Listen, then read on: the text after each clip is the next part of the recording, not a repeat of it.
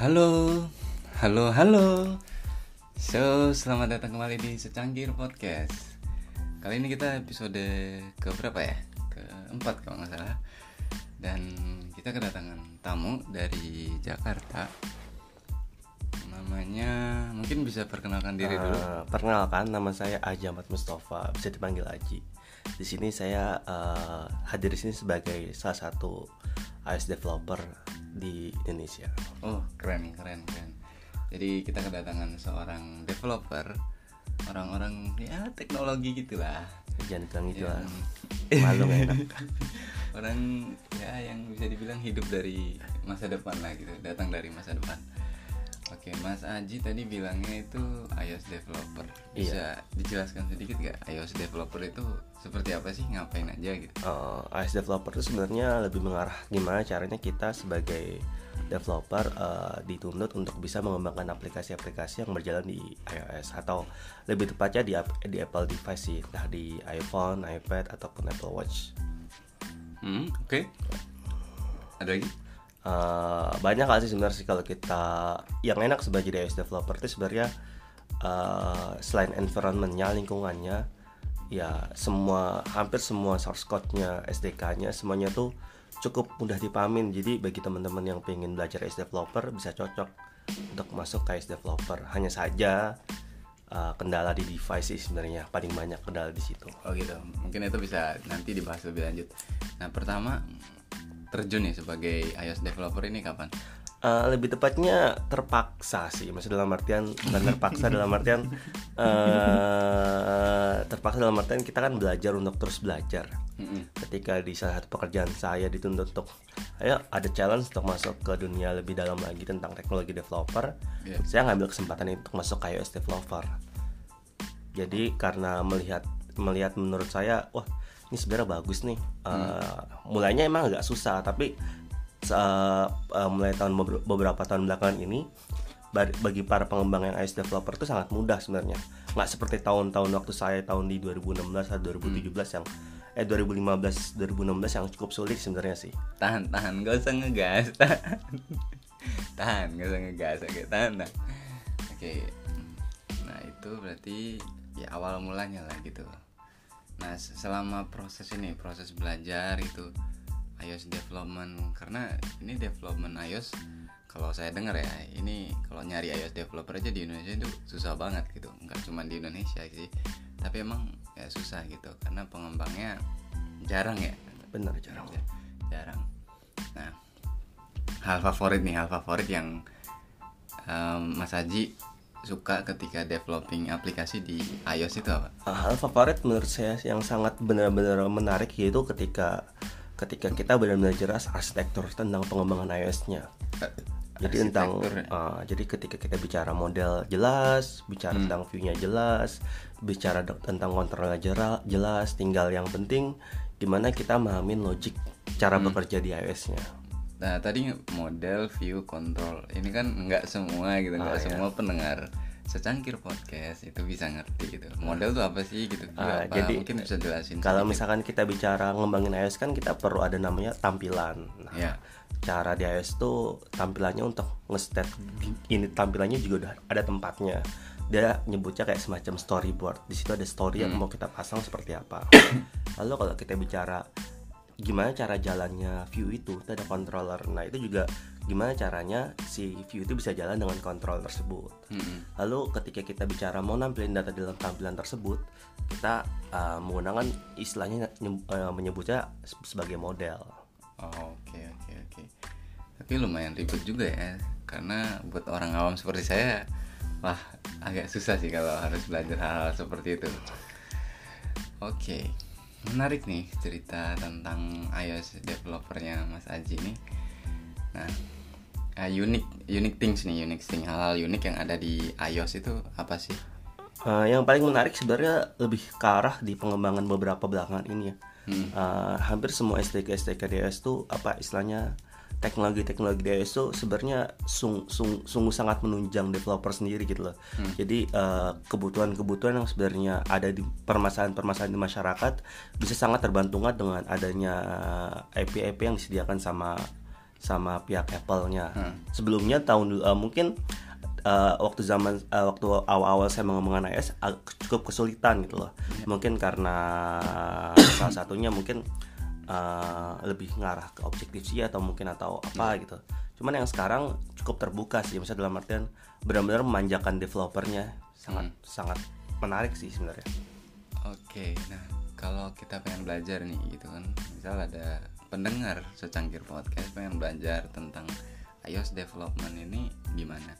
Eh, ada beberapa cara. Yang pertama kita harus nemukan dulu eh, ya kita nemukan dulu nih kita mau belajar mulai dari mana mau belajar sendiri atau mau belajar bareng-bareng. Kalau belajar sendiri ya kita harus ya terbiasa untuk dari Google kita harus tahu apa yang mau dibuat biasanya Searching ya, searching, otodidak ya. otodidak. Ya.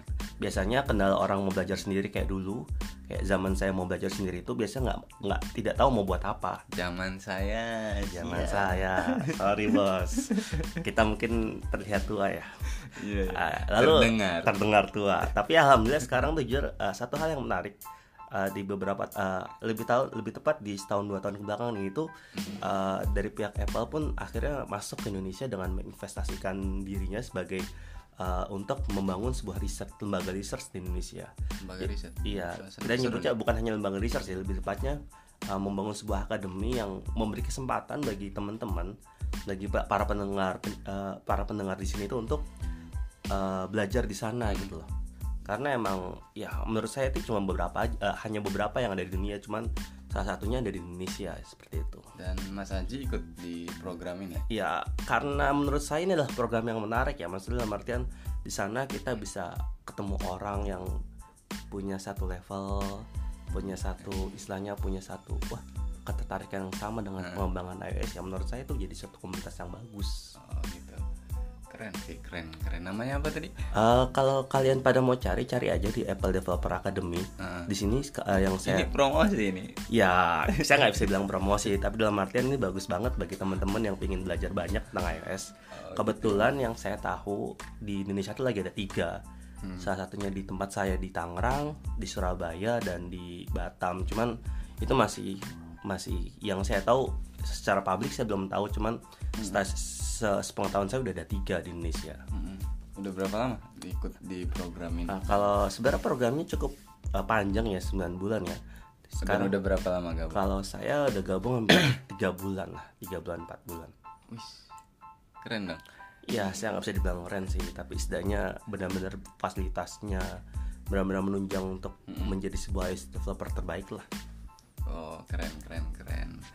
Nah ini udah 3-4 bulan gitu. Ya ada pepatah namanya bukan pepatah sih saya sering dengar quote-quote itu ya dibutuhkan waktu 1000 jam lah itu untuk menguasai sesuatu gitu. Berarti ya 3 sampai 4 bulan tuh ya bisa dibilang udah mahir lah ya iOS development. Apalagi sebelumnya udah punya ya udah punya basic gitu, fundamentalnya udah kuat di di, di apa iOS development ini. Nah, eh, selama di Apple Developer Academy ini, hal-hal yang dipelajari itu tuh seperti apa sih gitu? Satu hal yang menarik ketika kita masuk akademi ini, Hmm. mereka tuh mengajarkan kita tuh nggak nggak diminta untuk hanya belajar untuk mengcoding aja istilahnya ya, istilahnya cuma main di kode aja, tapi Hmm, bukan cuman jahit. bukan cuma jahit lah, tapi Iya. kita diajarkan untuk uh, membuat uh, desainnya. Heeh. Lalu kita diajarkan untuk gimana sih desain itu bisa diterima sama masyarakat. Jadi kita nggak buat aplikasi yang cuman buat pingin buat aplikasi, tapi kita ada reason yang jelas. Sampai kejualan juga nggak kan? Ya harapannya sih pastinya ketika ilmu itu dapat, kita bisa ngejual juga. Cuman kita di, di diminta untuk diminta untuk bangun sebuah aplikasi dengan alasan yang jelas, nggak asal buat aplikasi seperti itu. Oke. Keren, keren. Udah udah bikin berapa aplikasi nih? Ah, kalau selama di sana sih ada berapa ya tiga atau empat gitu. Cuman yang cukup menarik sih sekarang di aplikasi yang lagi saya tekuni terakhir ini sih. Hi, apa apa? Ah, ada satu research menyebutkan bahwa aplikasi ini kan berdasarkan research ya. Walaupun researchnya juga riset aja bahasa Indonesia. ah, aja. riset, riset. Sorry, sorry, sorry, sorry. Saya kalau ngomong research itu susah. Ah, iya. Lidah saya lidah kampung. Jadi kita ada satu riset, kita coba untuk bangun satu riset, satu riset bagus tentang gimana sih cara kita ngajarkan ngajarkan uh, orang tua, ngebantu orang tua, ngajarin anak-anak mereka belajar matematika dasar. Hmm. Nah kita mencoba untuk buat satu aplikasi yang cocok buat uh, buat uh, orang tua ketika orang tua itu pakai aplikasi kita, orang tua terbantukan untuk ajarkan matematika dasar ke anak mereka. Nih. Udah ada nggak di App Store? Eh, sayangnya sih belum sih kita berharap kalau misalkan itu aplikasi bagus Hmm. terus bisa kita kembangkan lebih dalam lagi Hmm. eh, itu ya harapan kita bisa masuk ke app di ke Apple Store sih Oke oke oke oke. Oke, wah seru sekali nih karena udah bikin beberapa aplikasi keren-keren. Tapi selama ini aplikasi yang udah dipakai oleh masyarakat nih di Indonesia nih, yang pernah di develop sama Mas aja, Pak? Se- eh, sebenarnya saya dia ada satu tempat kerja saya dulu ya saya eh, ini Sombong. Enggak lah itu salah satu aplikasi terbaik yang menurut saya saya buat gitu loh. Kalau kalian berkunjung ke mana ke kalau kalian kenal Zomato di Indonesia ada satu satu aplikasi namanya Pergi Kuliner. So bagi teman-teman yang pengen nyari makanan enak, Hmm. eh, kalian bisa gunakan pergikuliner.com. Di sana bisa nyari makanan enak di sana, restoran enak di sana dan dan kebetulan juga saya yang salah satu dulu menjadi tim, pengembang di sana dan itu jadi salah satu aplikasi yang membanggakan buat saya as developer itu. Ada kupon nggak mas? Nggak. Eh, sebenarnya kalau kalian buka aplikasinya kalian bisa lihat kok ada promo-promo menarik yang ditawarkan sama Kuliner sekarang. Ini bukan promo ya tapi memang kenyataan seperti itu gitu. Oh gitu gitu gitu. Oke. Oke. Ada lagi yang mau di share? Eh, kalau kalau teman-teman ya ya enggak sih karena kesempatan saya nggak tahu Iya, saya dapat kesempatan kesempatan banyak. Pertama pertanyaan juga masih Ah, banyak. masih Tapi banyak. santai aja. Minum dulu Ah, mas. ya. Ini. Ini. ya maksudnya dalam artian ya bagi Iya. teman-teman yang lumayan enjoy sih. Mm-mm. Oke, diminum dulu. Kita santai aja. Sesangkir podcast ini nggak nggak usah serius-serius banget. Yang penting ya sedikit punya manfaat lah buat orang gitu.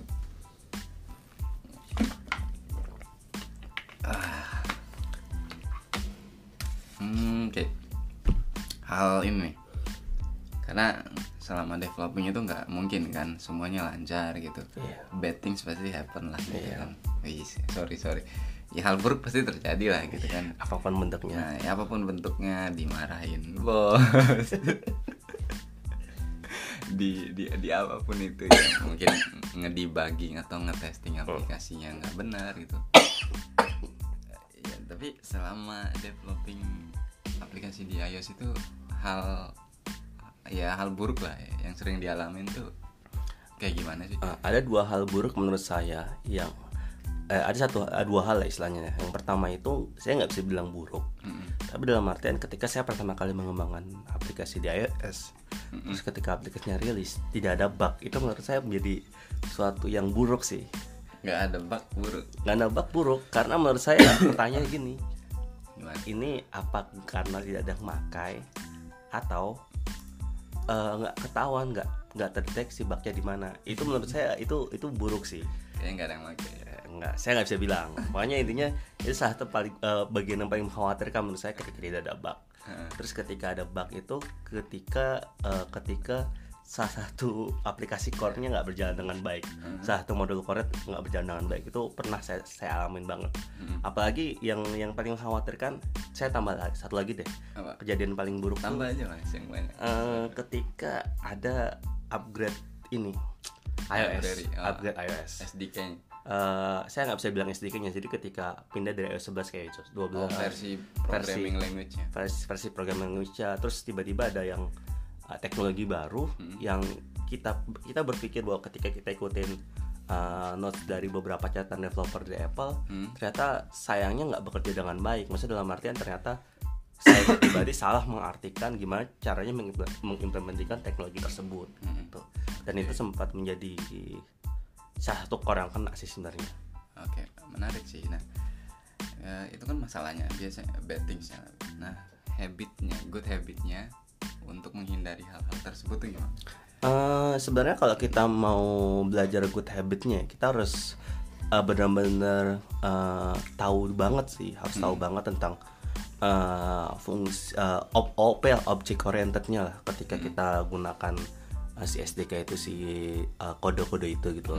Lalu kedua ketika kita bicara mau rilis pun testingnya juga harus bagus. Maksudnya dalam artian kita nggak cuma sisi dari sisi developer aja, tapi testingnya juga dari si user apakah ada yang uh, ada yang kurang atau enggak. Itu salah satu untuk menghindari hal-hal ketika masuk ke hal yang umum jadi nggak terlalu mengkhawatirkan. Seperti itu sih. Oke oke menarik menarik menarik. Ada lagi Ya banyak sih ntar juga. habit-habit lainnya gitu yang ya, yang Mas Aji biasa lakuin gitu. Eh, yang paling menarik apa lagi ya menurut saya ketika kita mau rilis aplikasi itu eh pertama udah memastikan udah kodenya bagus udah.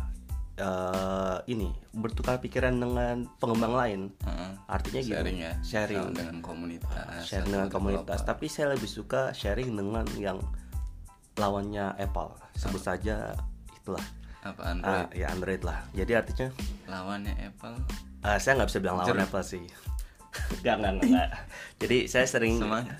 saya sering berkomunikasi dengan tim selain Apple.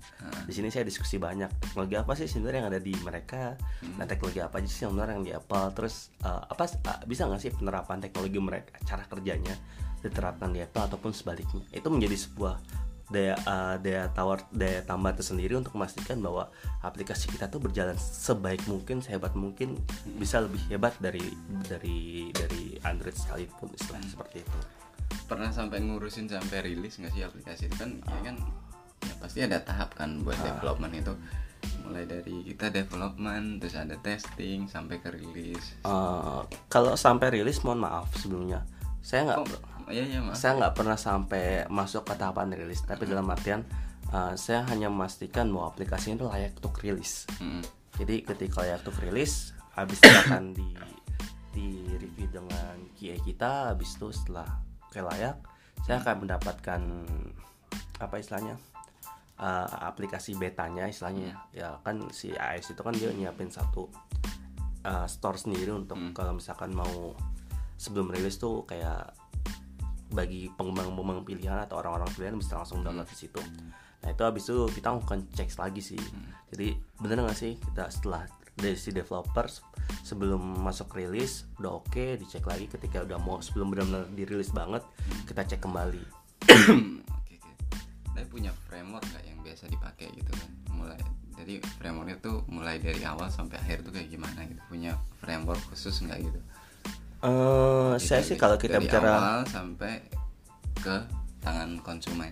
Eh, saya sih jujur nggak punya framework khusus ya dalam artian eh, kerangka yang bagus untuk di sebelum kita kita rilis ke konsumen. Tapi pastikan sebelum kita mau ngebuat sesuatu eh, saya lebih suka berdiskusi banyak tentang fitur kenapa fiturnya dibuat agar ketika kita fiturnya dibuat kita bisa bisa memastikan bahwa fitur ini layak dipakai dengan oleh khalayak umum. Jadi bagi saya eh, eh, inisialisasi fitur itu lebih penting ketimbang ketimbang pengembangan fiturnya. Karena ketika inisialisasi fiturnya salah maka akan eh, k- eh, berproses ulang. Oke. Dan itu terlalu beresiko bagi bagi bagi saya pribadi gitu. Dalam artian bukan bagi tim. eh, artinya kan itu akan jadi beban ke saya ketika saya buat satu fitur eh, ternyata inisialisasi saya kurang pas terus saya nggak dapat eh, momennya nggak dapat istilahnya nggak dapat goalnya. Saya berdasarkan eh, informasi-informasi yang nggak cukup ketika rilis ternyata nggak dapet ya itu kan akan kerja dua kali. Nah biasanya saya selalu berdiskusi banyak di awal untuk memastikan bahwa fitur ini untuk siapa. Terus Oke. ketika tahu untuk siapa habis itu oh berarti kodenya harus seperti ini loh.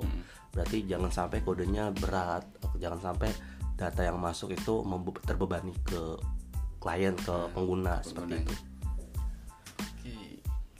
seru sekali ya kayaknya Mas Aji ngomong gitu dari tadi ya sharing tentang ya pengalamannya developing aplikasi iOS ini. So tadi udah bahas pengalamannya, udah bahas juga di Apple Developer Academy.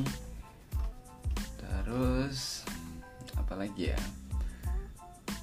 Ada saran mungkin Ah. Utay? karena saya sebagai host secangkir podcast ini kadang bingung mau nanya apa gitu. Ah. karena saya itu terkagum-kagum dengan narasumber saya. Jangan gitu dong nggak enak jadi saya. Tapi satu hal sih saya kembali lagi ke Apple developer.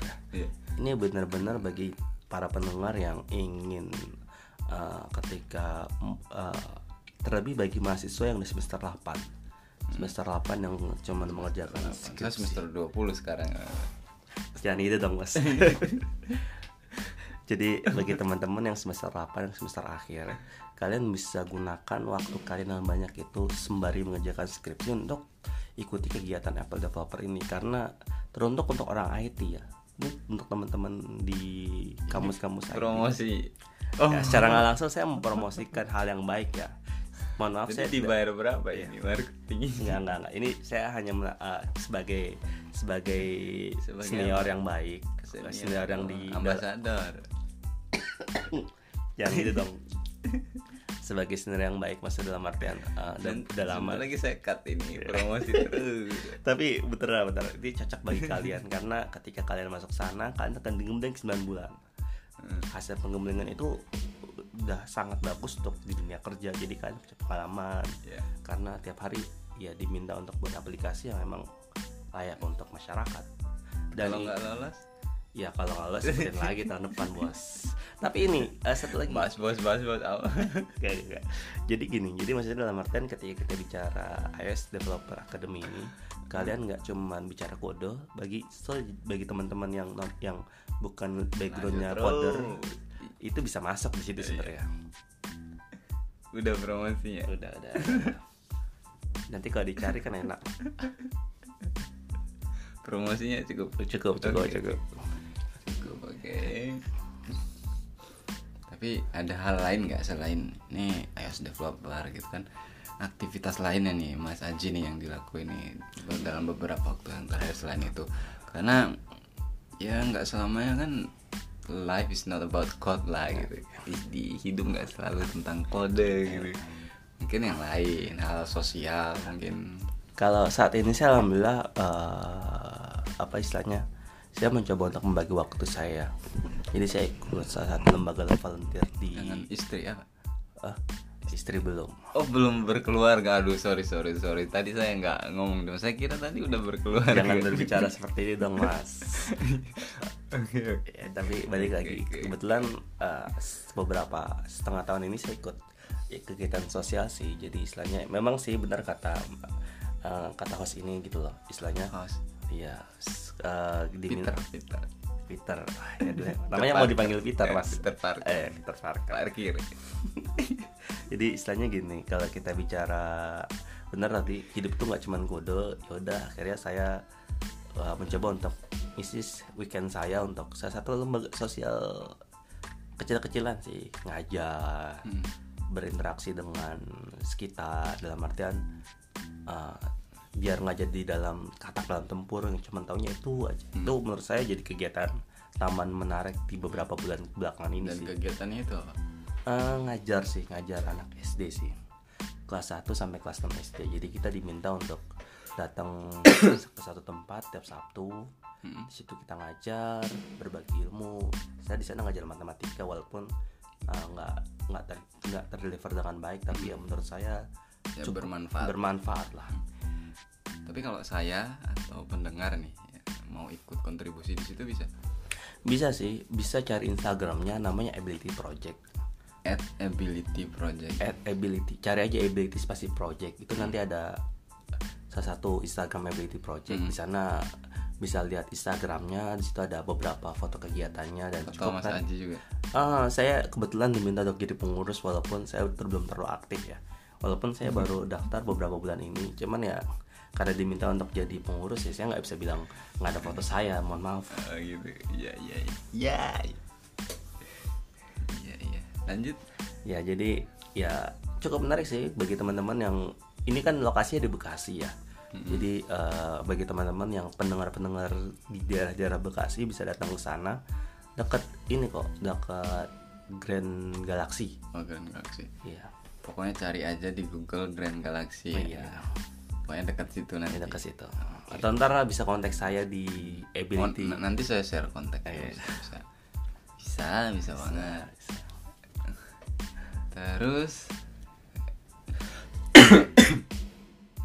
kalau kontribusinya remote itu bisa nggak bisa remote Karena ini lagi ngetren ini kerja remote nggak bisa ya kontribusi remote apa nih di ya dari jarak jauh mungkin Ah, saya video call gitu nggak bisa Eh, kalau sebenarnya kita eh, kalau kita men- akan ada yang mau ngajar cara remote sih kita berharap juga bisa ada. Cuman kebetulan fasilitas kita itu di tempat kita tuh belum terlalu bagus. Hmm. tapi dalam artian eh, kita nggak punya fasilitas yang cukup untuk eh, untuk eh, mengarah ke seperti itu. Jadi kita diminta untuk datang ke sana berkontribusi langsung di sana karena interaksinya sebenarnya yang bukan hanya interaksi jarak jauh seperti itu.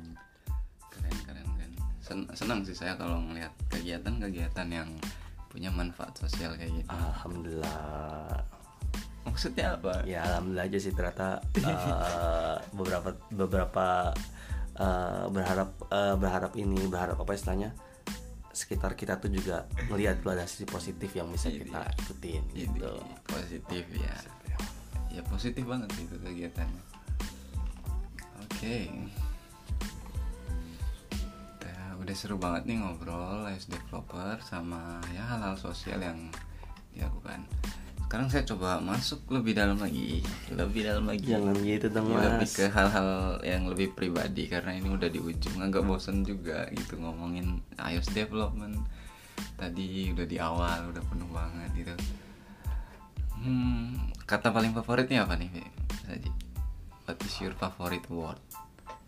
apa ya Satu kata Eh, satu kata yang menurut saya menarik tuh senja senja.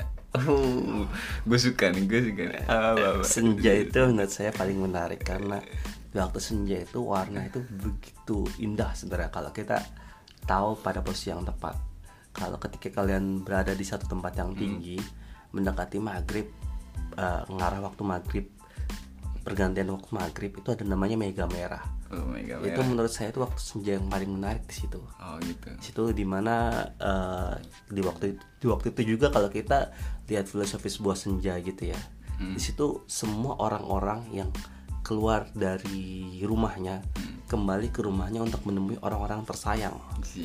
jadi setelah dia Gue suka bekerja nih. seharian dia tahu waktu kapan pulang di waktu senjalah dia meluangkan waktunya untuk kembali ke rumahnya masing-masing Tapi mampir dulu mas, maghrib dulu. iya maghrib dulu Karena aura dari masjid itu beda Iya. dengan aura dari kantor. bener bener bener harus Iya. maghrib dulu jadi ketika senjanya lewat terus ada maghrib sholat lah bener lah Iya. biar auranya ke bawah Iya.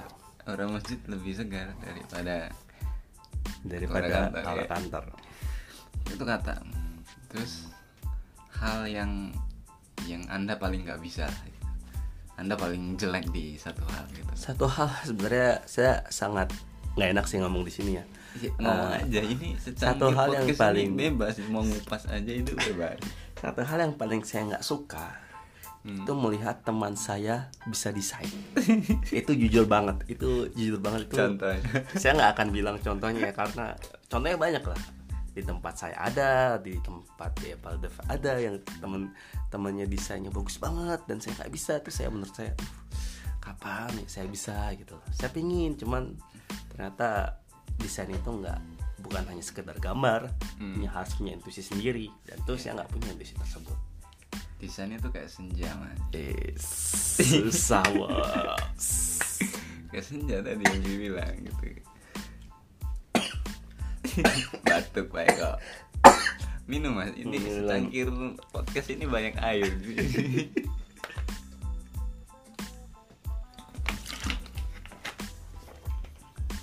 Lebih dalam lagi. Kalau kamu misal tadi pergi kuliner ya. Kalau Mas Aji misal sebuah makanan gitu ingin jadi makanan, mau jadi makanan apa? Eh, saya sih dulu saya selalu bilang bakso Bakso. saya nggak bilang Bulet. Enggak. Saya nggak mau bilang diri saya bulat mohon maaf. Apa jadi eh, kenapa kok saya bilang bakso ya? Dan beneran saya saya lebih suka bilang bakso itu jadi makanan favorit karena karena di sana itu apalagi kalau bakso Solo ya kuahnya sedap mantap terus gurih Iya. terus juga eh, pas porsi yang pas. Jadi bagi bagi saya bakso itu jadi makanan yang jadi sebuah makanan yang yang pas banget buat buat teman-teman semua gitu loh dalam artian eh, kenapa saya milih makanan yang unik gitu ya bakso Oh, berarti anda mau jadi bakso. Ya enggak, lah, saya nggak bilang jadi Enggak, bakso. anda, kan bakso gitu. Kalau saya bakso, saya pengen jadi yang Berarti- pas bagi sekitar kita lah. Eh, Dan itu bakso. Gurih. Ya. Terus eh mie-nya juga pas. Mie. Eh, ya cukup lah. Oke. Nah, pertanyaan berikutnya sederhana aja. Kalau kalau seandainya punya super power gitu, pengennya itu super powernya itu. Eh, saya nggak cukup. eh, saya lebih suka kalau kalian nyari karakter Avengers ya.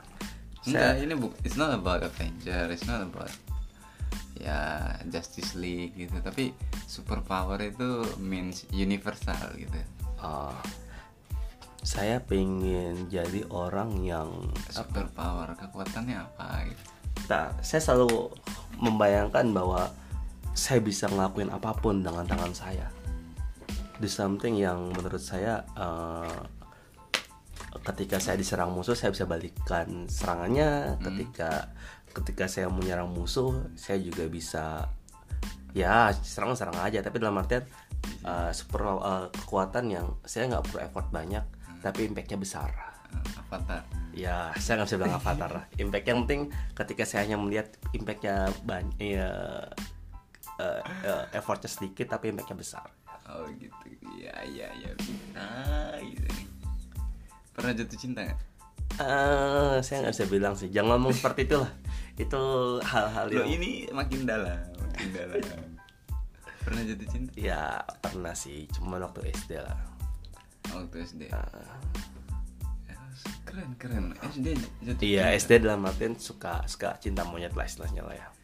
Saya ini. Jatuh cinta itu agak susah sebenarnya rasanya. Ya Mas Aji SD udah bisa jatuh cinta keren banget. Keren keren. Biasanya ini kan udah kerja pasti dapat penghasilan. Penghasilan biasanya dihabisin buat apa?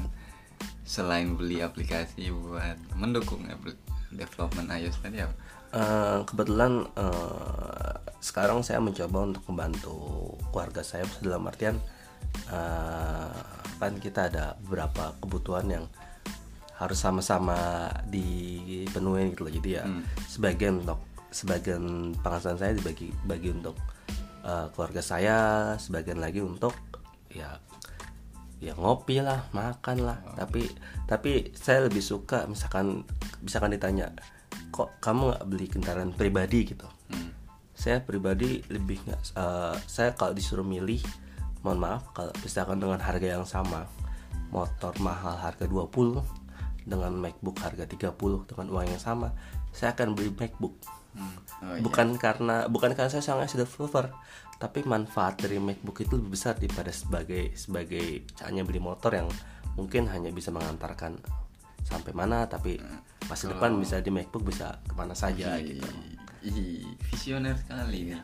Dua pertanyaan terakhir. Pertama, visi ke depannya apa nih? Mau ngapain sih gitu? Eh, visi ke depan saya sebenarnya saya punya harapan panjang ya saya pengen punya Harapan panjang. harapan panjang ke depan saya pengen satu punya satu perusahaan eh, bikin satu produk yang punya nilai manfaat lebih ke masyarakat keren keren. cuman untuk keren. mendapatkan visi tersebut ternyata nggak semudah yang saya bayangkan Tak semudah itu karena senja senja saja itu kadang kita nggak dapat gitu. iya benar senja indah pun juga ada waktunya Nggak apa-apa gagal, tapi senja esok tuh masih ada lagi.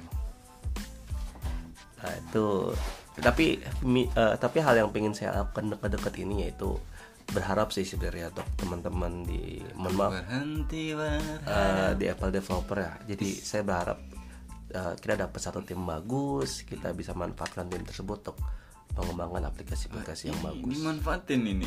Ya sebenarnya banyak potensi-potensi yang bagus di teman-teman saya. Cuman ya eh, kalau tidak kalau tidak dikelola dengan matang ya sayang banget. Oke oke, itu visi gitu. Nah, saran buat teman-teman pendengar nih dari topik yang awal tadi sampai akhir ini masuk lebih dalam masalah pribadi.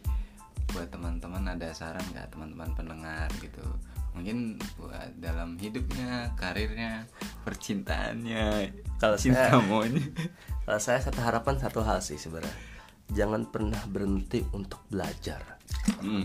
Eh, saya bukan hanya bicara tentang berhenti belajar ya karena ketika kita berhenti untuk ketika otak kita udah berhenti untuk berpikir maka kita nggak bisa hidup. Jadi saya berharap tuh teman-teman semua jangan pernah berhenti untuk belajar. Belajar dari mana pun gitu loh. Ketika kalian cuman jangan sampai kalian cuman hidup dalam satu lingkungan yang berangkat pagi pulang malam berangkat pagi pulang malam tiap hari itu saja. Tapi kalau misalkan ada waktu yang tersisa cukup ya gunakan waktu sebaik mungkin untuk belajar nggak entah tuh di kuliah entah tuh ikut lembaga akademis seperti apa gitu loh. Ini bukan buat hanya untuk kalian tapi untuk masa depan kalian juga tapi untuk eh, meningkatkan kualitas hidup kalian seperti itu Oke. Seru sekali. Terima kasih banyak Mas Aji Sama-sama, sudah Mas. ngasih banyak insight buat teman-teman pendengar sesangkir podcast. sama-sama Senang mas sekali saya sebagai Peter Parkir di sini. saya sebagai Aji Mustafa ya Aji Ahmad. Terima kasih banyak. Semoga Mas Aji lancar terus karirnya. Ke depannya bisa sukses terlalu. thank you mas Makasih. Cintanya juga lurus-lurus, nggak monyet-monyetan lagi. Amin. Iya. Thank you banget. Dan buat pendengar secangkir podcast jangan lupa share podcast ini ke teman-teman kalian.